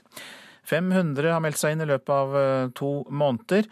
Og eh, det er de unge som slutter opp om manntallet, og eh, det gir dem jo da rett til å stemme eller stille til valg til eh, Sametinget. Jeg har jo tenkt på at jeg skal gjøre det hele tida, fordi familien min er veldig fokusert på det samiske, og bestemor lager kofte og onkel i Sametinget. Så det var et naturlig steg for meg å gjøre det året jeg skulle bli 18. Sara Olsen meldte seg inn i samemanntallet like etter årsskiftet, og hun er i godt selskap. Nesten 500 har gjort det samme som hun. Og dette er en utvikling som bare kommer til å fortsette, sier professor Ivar Bjørklund. Det å være same er ikke lenger et stigma. Det er ikke noe som folk prøver å komme vekk ifra. Tvert imot. Fra å være et stigma, så er det nå blitt en ressurs i mange sammenhenger. Kulturell og politisk ressurs. Det er jo det vi ser rundt oss i samfunnet i dag. Og eh, den utviklinga er det mange som vil ta del i, og derfor melder de seg inn i valgmanntallet. Sametingspresident Vibeke Larsen er glad og tilfreds med at stadig flere slutter opp om Sametinget og viser sin samiskhet. Også hun ser at forklaringa har med stolthet å gjøre. Vi har fått vist oss frem i, på riksdekkende nyheter og TV. Koftene har syntes, joiken har, har syntes, språket har hørtes. Sånn at det er liksom blitt mer stolt av å være same. Det er ikke noe lenger noe man trenger å gjemme, men det er noe som man kan vise verden og være stolt av. Og det er jo svært gledelig at det også gir utslag i Sametingets valgmanntall. Og reporter her var Tom Søbstad. Prosent for Nyhetsmorgen, Kari Bekken Larsen. Her i studio, Øystein Heggen. Med NRK Nyheter på mobilen har du oversikt over det som skjer i Norge og verden. Donald Trumps første 100 dager som president. From this day forward, it's going to be only America first. Følg Eirik Jensen-saken. Hvem er egentlig Eirik Jensen? Eirik Jensen. Det internasjonale skiforbundet mener Therese Johaug bør straffes hardere, og anker dommen. Det er alvorlig svikt i barnevernet i mange kommuner, viser tilsyn. Og 75 000 flere nordmenn er registrert som dårlige betalere bare den siste måneden. God morgen, her er NRK Dagsnytt, klokka er 7.30. Det internasjonale skiforbundet anker altså dommen mot langrennsløper Therese Johaug. Johaug er dømt til utestengelse i 13 måneder etter at hun testet positivt for det ulovlige stoffet klosterbol i høst. Idrettsjurist Gunnar Martin Kjenner synes anken er helt urimelig. Det som slår meg først og fremst, det er at antidopingreglene er helt urimelige. Det er helt urimelig etter min rettsoppfatning at en utøver skal bli utestengt i 13 måneder for å behandle et munnsår med en helt relevant salve, og når det ikke er noe prestasjonsfremmende effekt i det hun har hatt på seg. Da mener jeg antidopingarbeidet har feilet, og dessverre at Therese blir et offer for disse uheldige reglene. Det sier idrettsjurist Gunnar Martin Kjenner, etter at det i dag ble kjent at Det internasjonale skiforbundet anker dopingdommen mot Therese Johaug. Nå venter en ny, lang prosess for den norske langrennsløperen, og OL kan stå i fare. Når det først blir en anke, så er det jo greit at den kommer fra FIS og ikke fra WADA, for da sparer jo øh, Therese også en, en måned på det. En anke vil normalt ta et halvt års tid, og det vil opplagt virke sterkt forstyrrende inn mot OL. Det vil forstørre henne både mentalt og, og treningsmessig. Og I verste fall så vil utelukkelsen bli lengre enn 13 måneder, slik at hele OL kan stå i fare for henne. Reporter her var Ida Moseng. Reportasjeleder i NRK Sporten Hanne Marie Breivik, var dette overraskende? Ja, I grunnen så var det litt overraskende. fordi Det hadde jo kommet tydelige eh, signaler fra Frist om at 13 eh, måneder var i, kanskje i minste laget. Men uh, uavhengig av det, så hadde jo høringa mot 30 år gått sin gang. Og der kom det jo flere signaler om at uh, dette var en gangbar straff også internasjonalt. Og også i lys av at uh, Det internasjonale olympiske komiteen i går, da ble det jo klart at Eh, de ikke kom til å gå videre med saken. Så i lys av det var det litt overraskende, ja. Vi hørte litt om det i innslaget her, men hva betyr dette for Johaugs umiddelbare fremtid? Ja, Det betyr jo først og fremst at fremtida hennes blir svært usikker. Eh, 13 måneder hadde hun jo å forholde seg til nå. Det betydde at hun var tilbake igjen til neste sesong og kunne stå på startstreken eh, om ikke Beitostølen, så i hvert fall til første verdenscup. Eh, og ikke minst til OL i Pyeongchang. Nå er jo hele det på spill igjen. Og Therese Johaug må leve med den usikkerheten eh, rundt eh, sin eh, sportslige satsing. Og i det hele tatt hvor lang tid dette vil ta i den internasjonale voldgiftsdommen. Vi hører jo at Gunnar Martin Kjenner sier at det kan ta opp et, et halvt år. Og det, det, vil jeg jo tro er temmelig ulidelig for en toppidrettsutøver som Therese Johaug. Takk skal du ha, reportasjeleder Hanne Marie Breivik i NRK Sporten. Barnevernstjenesten i mange kommuner bryter loven. Flere steder klarer ikke barnevernet å behandle bekymringsmeldinger de får inn på en god nok måte. Det viser egenrapporteringer og tilsyn fylkesmennene og Helsetilsynet har gjort hos barnevernstjenesten i rundt halvparten av landets kommuner. I alt 49 av 57 kontorer som ble undersøkt av fylkesmennene, ble det funnet regelbrudd. Det kan få svært alvorlige konsekvenser, sier assisterende direktør i Helsetilsynet Jo Kittelsen. I dette tilsynet så har vi sett at, eh, at, for mange kommuner svikter når det gjelder å gripe inn eh, i tide og med rett kompetanse for å forhindre at barn må leve med grov omsorgssvikt. I rapporten kommer det fram at mange barnevernskontorer henlegger saker som burde vært undersøkt nøyere. Mange sjekker f.eks. ikke om det fins tidligere bekymringsmeldinger om samme barn eller søsken. Og mange unnlater å undersøke bekymringsmeldinger som kommer på telefon. I tillegg gis det ofte ikke tilbakemeldinger til de som kommer med bekymringsmeldingene. Det svekker hele systemet, sier Kittelsen. Det å ha sendt inn en melding og så ikke vite om noe skjer, det underminerer eh, legitimiteten til meldesystemet. I rapporten kommer det ifølge Helsetilsynet ikke fram noen systematiske forskjeller mellom kvaliteten på barnevernet i store og små kommuner. Mimmi Kvisvik leder Fellesorganisasjonen som organiserer de fleste barnevernsarbeiderne. Hun mener problemet er mangel på penger. Dette er jo en eh, veldig alvorlig situasjon. og Vårt utgangspunkt er at vi får jo ikke et bedre barnevern enn det vi er villige til å betale for. Barnevernet sånn som det er i, i dag, er kapasitetsmessig helt uh, sprengt. Og før vi setter inn ressurser i barnevernet, vil dette bare fortsette. Det er ledelsen i de enkelte kommunene som er ansvarlige for barnevernstjenesten. Og fylkesmennene vil nå følge opp de kommunene der det er funnet lovbrudd. Det er klart at De som virkelig skal ta tak i det, og som, og som er ansvarlig for å ta tak i det, det er eh, den enkelte kommune og den enkelte kommunens ledelse og den enkelte barnevernleder. Det sa Jo Kittelsen i Helsetilsynet, og kommunesektorens organisasjon KS innrømmer at feilene er alvorlige, men sier kommunene det gjelder vil følge opp påpekningene fra Fylkesmannen. Reporter her var Tom Ingebrigtsen. Så til krigen i Syria. Jeg føler vi holder på å miste hele denne generasjonen. Det sier en syrisk trebarnsmor som bor i en flyktningleir. Redd Barna sier eh, i en rapport som utgis i dag at barn i krigen utsettes for et farlig høyt stressnivå. Barna selv har ofte vært vitner til grove voldshandlinger eller levd med utrygghet tett på kroppen. Jeg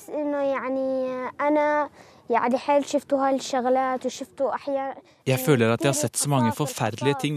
Jeg har sett folk blitt straffet, skikkelig straffet, f.eks. bli kuttet hodet av eller steinet. Zainab er elleve år. En del av generasjon krig. De barna i Syria som knapt har visst om annet enn vold, konflikt og fare. Zainab er ikke hennes egentlige navn. Det kan hun ikke bruke av mulige represalier. Hun, moren og hennes brødre har flyktet til en leir på grensa til Irak. Det er der Redd Barna har intervjuet henne i forbindelse med rapporten de utgir i dag om barns mentale helse i denne krigen.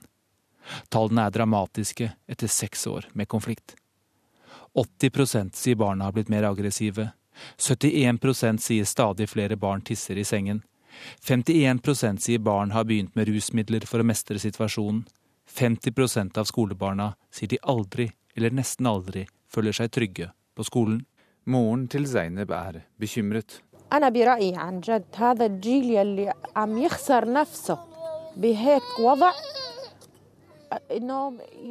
Jeg mener at vi holder på å miste denne generasjonen, og at de trenger mer støtte. Land og organisasjoner må ta de ut av konfliktområdene til steder som bare er for dem, der de kan gjenfinne sin balanse, sier hun som mer enn noen andre kjenner på kroppen hvordan familier ødelegges av denne krigen. Og det sa utenriksmedarbeider Sigurd Falkenberg Mikkelsen. Mange nordmenn sliter med å betale regningene sine. Bare den siste måneden er 75 000 flere blitt registrert som dårlige betalere. Markedsdirektør Rikard Harborg i data- og analyseselskapet Bisnode mener kredittgjeld er noe av forklaringen. Det er helt klart mer til kreditt tilgjengelig i markedet nå enn for bare ti år siden f.eks. Men samtidig så har nok eh, nordmenns eh, holdning til det å oppta kreditt også endret seg med det. Og det, det vil jeg si er et, eh, både et holdningsproblem og et samfunnsproblem hvis det går ut av kontroll. Over 250 000 nordmenn er registrerte dårlige betalere med betalingsanmerkning. Og de skylder 43 milliarder kroner for varer og tjenester de ikke har betalt på lang tid. Data- og analyseselskapet Bisnode har undersøkt hvem de er, Og det er klart at det er mange som ikke burde fått kreditter. sier markedsdirektør Rikard Harborg. De som har 5000 kroner eller mindre til disposisjon hver måned, har dobbelt så mange betalingsanmerkninger som landsgjennomsnittet. Menn er de dårligste betalerne, enten de er unge, har småbarn eller er godt voksne. Single menn har tre ganger så mange anmerkninger som gjennomsnittet, Ja, det vi har sett over en viss tid, det er jo at det er menn som står f.eks. For, for betalingsanmerkninger. mener fagdirektør Jørge Jensen i Forbrukerrådet. Han er bekymret for ungdommen. Unge er mer utsatt, og de er utsatt for eh, mange som har lyst til å selge kreditt. Og det er et stort trykk i markedsføringa på kreditt eh, som tidligere generasjoner slapp. Reporter her, det var Hedvig eh, Bjørgum. Hovedsak i denne sendingen var at Det internasjonale skiforbundet altså anker dommen mot langrennsløper Therese Johaug. Ansvarlig for sendingen er- var Erlend Rønneberg, og her i studio Anne Jetlund Hansen.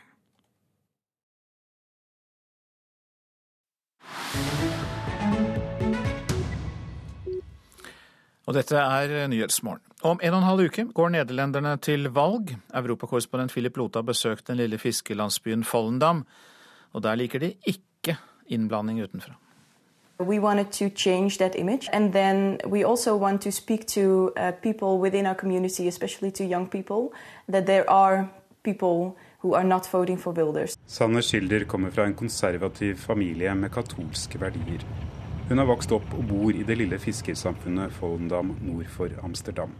I forrige EU-valg stemte 50% her på Gert Wilders og hans parti PVV, Frihetspartiet.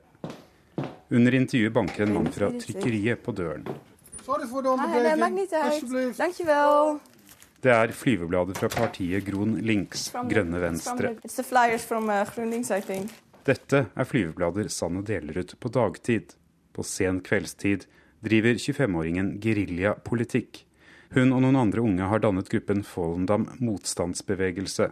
De tør ikke henge opp plakatene i dagslys. Yeah, it's it's kind of um, risky to put them uh, to put them up during the day uh, because people are um, yeah having difficulties with uh, with our counter message. Um, so we usually go out at night and and, and uh, put on the posters. Hadde du vært en fisk, Gert, hadde vi kastet deg tilbake, står det på en av plakatene på Foldams egen lokale dialekt. get the country back to themselves, to make the Netherlands ours again. De andre etablerte partiene har nærmet seg den sterkt innvandringskritiske, EU-fiendtlige og høyrepopulistiske Gert Wilders. Wilders har svart med å bli enda mer ytterliggående i sin retorikk i dette valget. Etter at han i fjor ble dømt for å ha spredt hat mot nederlendere med marokkansk bakgrunn, kalte han marokkanere for avskum i en av sine første opptredener i valgkampen. Whereas the Moroccan scum in Holland, and once again, not all are scum, but there is a lot of Moroccan Holland. Gert Wilders parti, PVV, er på siste måling kun to mandater fra å gå forbi partiet til den konservative statsministeren Mark Rutte.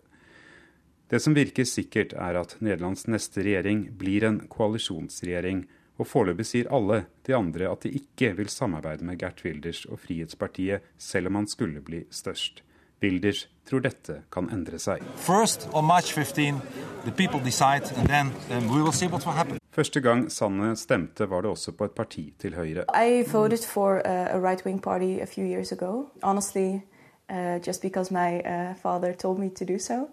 Hun skiftet politisk syn etter å ha studert internasjonal lov og menneskerettigheter, og etter praksis og frivillig arbeid i Genéve og Marokko.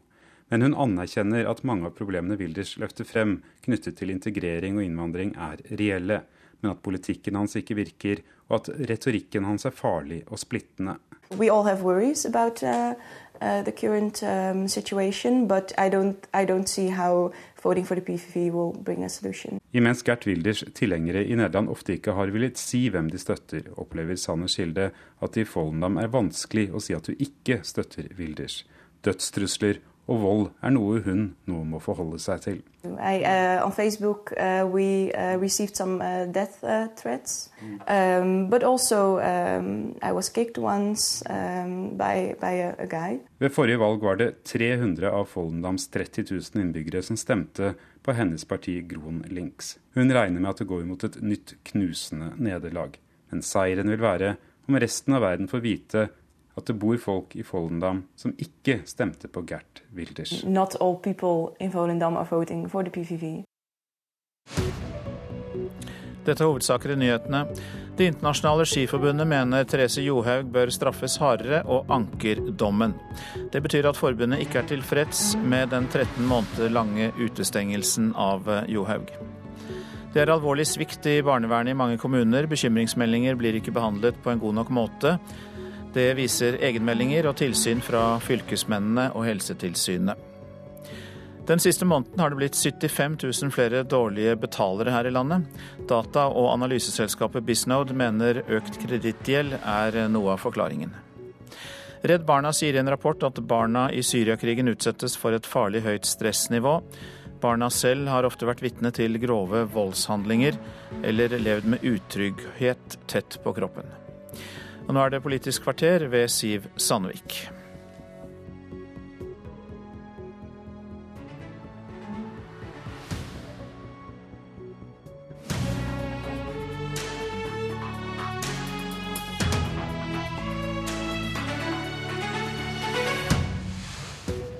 Bekymringsmeldinga om barn som trenger hjelp, risikerer å ende urørt i ei skuff, viser tilsynsrapport.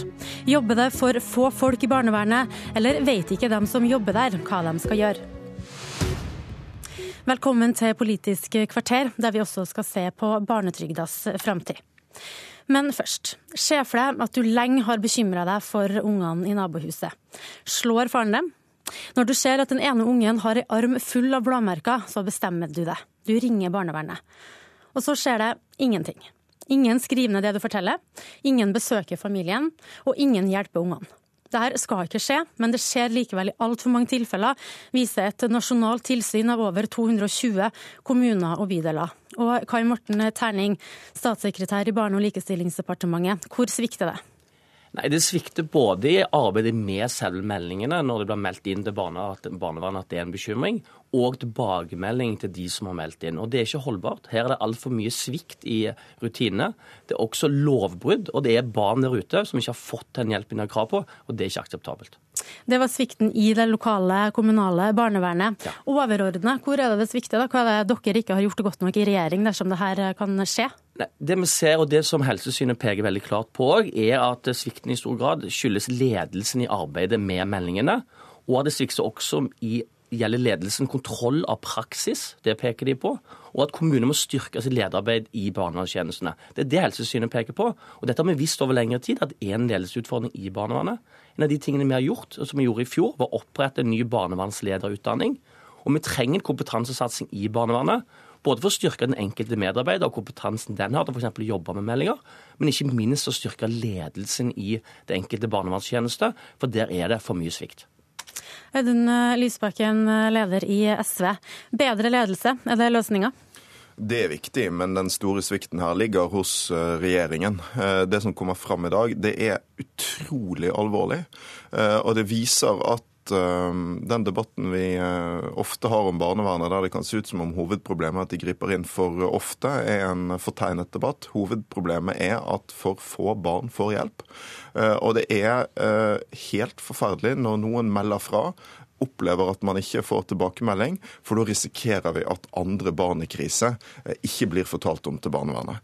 Og problemet her ligger hos, eh, hos, regjeringen, som ikke har satset på det kommunale barnevernet. Og det er veldig lett å se ut fra prioriteringen i denne perioden. Eh, under den rød-grønne regjeringen i den tiden jeg var barneminister, så satte vi i gang det største løftet for det kommunale barnevernet på 20 år. Det ble brukt over en halv milliard kroner på 1000 nye stillinger på fire år. Det gjorde at antall barn per saksbehandler gikk ned.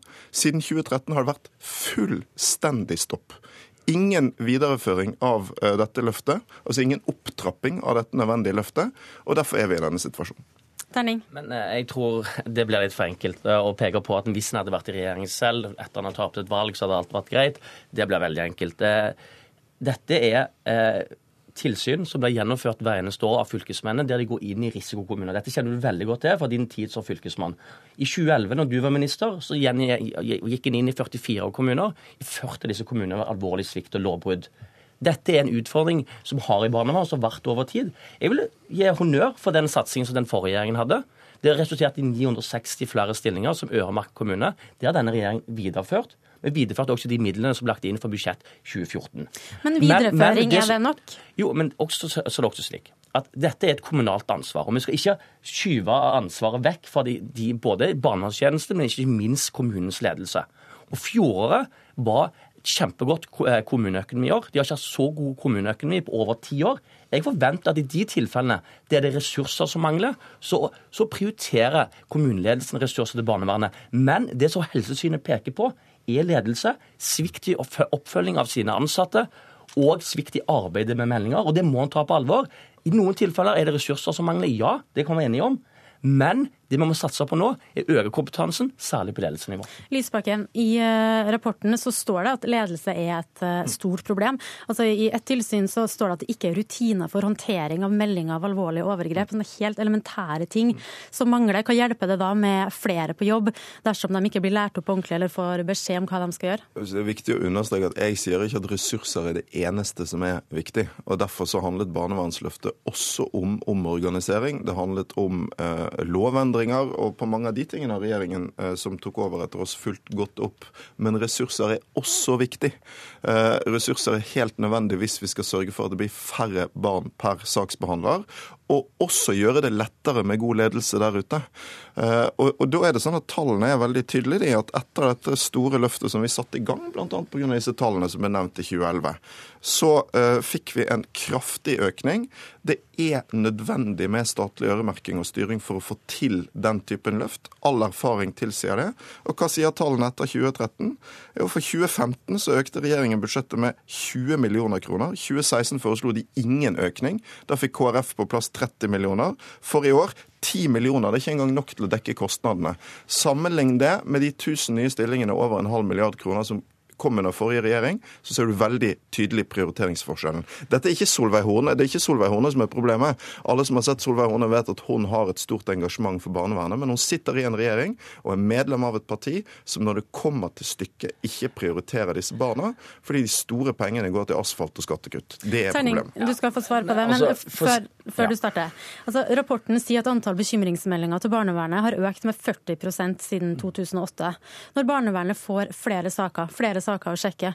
Er det ikke da naturlig å tenke at da trenger de også flere folk til å sjekke alle de her sakene? Ja, I mange tilfeller så er jeg helt enig i det. og Det er derfor den kommunale ledelsen må ta dette på alvor. Det denne regjeringen har gjort, er å styrke kommuneøkonomien med frie rammer, slik at den enkelte kommune sjøl, dette er en kommunal oppgave, kan prioritere hvordan de ønsker å arbeide med barnevernet. Og så er det også slik at ofte så er det slik at barnevernet kan styrkes med saksbehandlere, men det er også veldig viktig å styrke andre tjenester. Vi har gitt 1 milliard ekstra til helsestasjonene. Det er en viktig satsing. Det er også andre oppgaver, tjenester i kommunene som jobber med barn og unge, som det, en må vurdere lokalt hvordan, hvordan en skal prioritere. Og jeg er helt enig, ressurser er viktig, men, men, det du gjør nå, er bare å si vi har et problem, da skal vi bruke mer penger. Jeg vil også si at det, det å satse på kompetanse å utvikle ledelsen i den enkelte kommune er vel så viktig. Men også da selvsagt gi beskjed til den lokale kommunale ledelsen at de er nødt til å prioritere barnevernet hvis det er mangel på ressurser. Det jeg sier er at Dere burde gjort ferdig den jobben vi begynte på. For det var ikke meningen at barnevernsløftet skulle stoppe på 1000 stillinger. Det skulle gå til 1500 stillinger. Og jeg husker dette veldig godt, for når Solveig Horne og Frp var i opposisjon, så var det jo ikke sånn at de sa at disse pengene som gikk til 1000 nye stillinger, var for mye til barnevernet. Nei, det var for lite. Det skjedde for seint. Og så tok dere over makten, og så gjør dere ingenting. Det er det som er problemet. Og dere har altså satt Norges rekord i oljepengebruk. Dere har brukt 20 milliarder kroner på skattekutt. Dere har penger, men dere prioriterer det på vi andre ting enn disse barna. Annet, det det vi prioriterer bl.a. kommunene, og i fjoråret ser det ut til å bli den beste kommuneøkonomien siden 2006. Du må lese tallene. Alle vet Men det var faktisk eh, det vi rakk. Vi skal ikke ha en stor debatt om kommuneøkonomi. Eh, takk for at du kom, Kai Morten Terning, statssekretær for Frp i Barne- og likestillingsdepartementet. Audun Lysbakken, du blir sittende sjøl om vi skifter tema.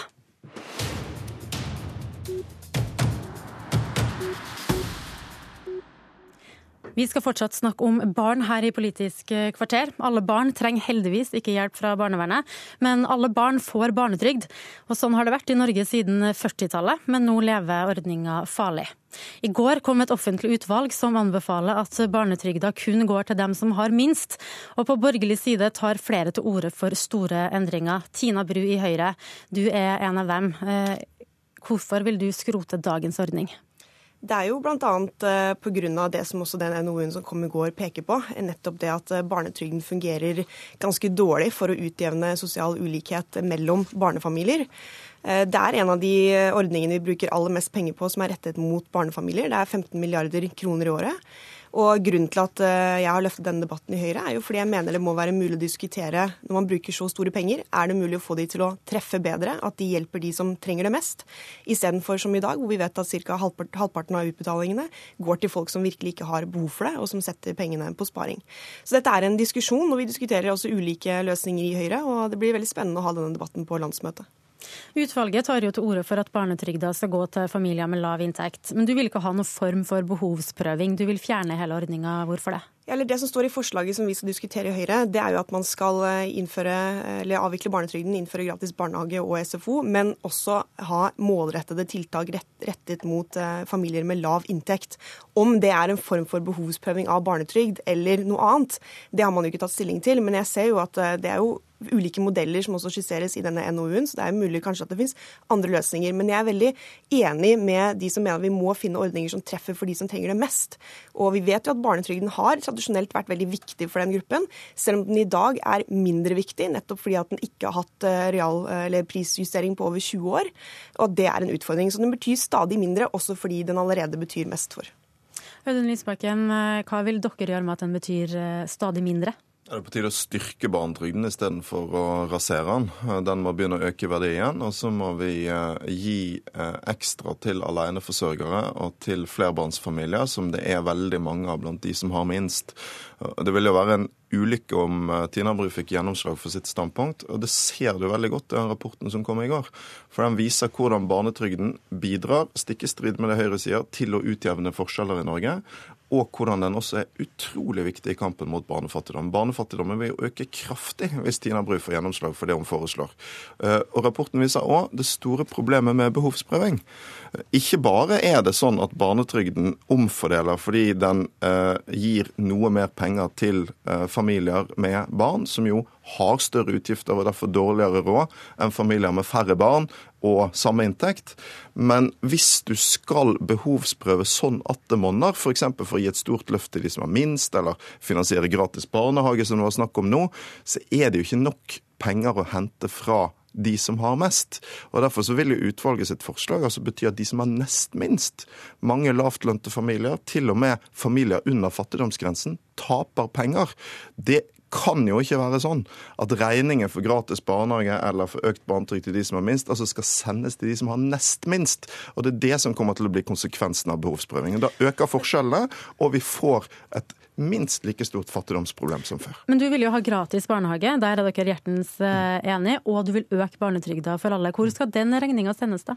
Den må sendes til de som har mest i vårt samfunn, og det er jo det store spørsmålet her. Skal vi omfordele mellom de som har nest minst og de som har minst, eller skal vi omfordele skikkelig fra de som har mest? Og da er det jo Høyre framstiller sitt barnetrygdforslag som om det er å ta fra de som har mye, som om de som har mye i Norge merker at barnetrygden forsvinner, samtidig som de gir svære skattekutt til de på toppen i det norske samfunnet. Jeg vil jo gjøre motsatt. Jeg vil øke skatten på stor arv, jeg vil øke skatten på store formuer og stort utbytte og dyre eiendommer og høye inntekter. Og det skal vi bruke til eh, en mer rettferdig bl.a. familiepolitikk. Jeg er enig i at vi skal bruke eh, penger på familieområdet. og Det gjør vi også. Altså, vi bruker 78 milliarder i året på overføringer til barnefamilier i en eller annen form, om det er barnehage eller ytelser eller hva enn det er. Men det er også litt rart å høre argumentasjonen til, til Lysbakken her, for det er jo også en dissens uh, i det utvalget som har levert, en, uh, levert den NOU-en. Og den andre halvparten de sier jo nettopp det Lysbakken tar til orde for, at man skal bare øke barnetrygden. Samtidig så erkjenner jo de i NOU-en at dette faktisk vil redusere barnefattigdommen mindre enn det forslaget om å innføre gratis barnehage barnehage og behovsprøve barnetrygden. Så jeg syns det er så rart å høre argumentasjonen hvor man på en måte bare går seg fast i det mønsteret man har gjort i alle år. At man sier det eneste man skal gjøre, er bare fortsette å øke eh, trykket på hvor stor barnetrygden skal være, istedenfor å erkjenne at tiden kanskje er inne for å diskutere andre løsninger for å gjøre noe med den gruppen som vi vet har en utfordring. Og det blir jo flere barn som lever i familier med vedvarende lav inntekt. Det er også veldig tydelig i NOU-en. Mange av de er dessverre overrepresentert i innvandrerfamilier. Vi vet at barnehage er en av de beste måtene samfunnet, og også gjøre noe med den problematikken.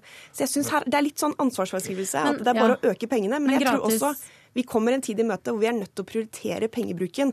Det må vi også gjøre på barne- og familieområdet. Da må vi få mest mulig ut av de kronene vi bruker. Og Da tar du til orde for å prioritere gratis barnehage. Og Det er jo vel og bra for dem som har småbarn. Men hva med den fattige mora som har en åtteåring som trenger en ny vinterjakke, og en tolvåring som eh, drømmer om å dra på svømmestevne? Mm, det er nettopp derfor jeg sier at vi må også ha målrettede tiltak eh, for de med lavest inntekt. Det er en del av det forslaget.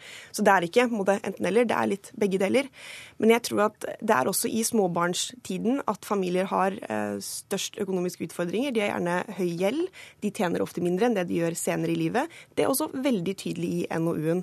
Og Det er ingen tvil om at den løsningen er det som bidrar mest til å utjevne forskjeller og hindre barnefattigdom. Det er jo ikke helt riktig, fordi at forutsetningen for denne NOU-en var at man ikke skulle bruke mer penger på disse ordningene. Det er en forutsetning deres regjering har lagt.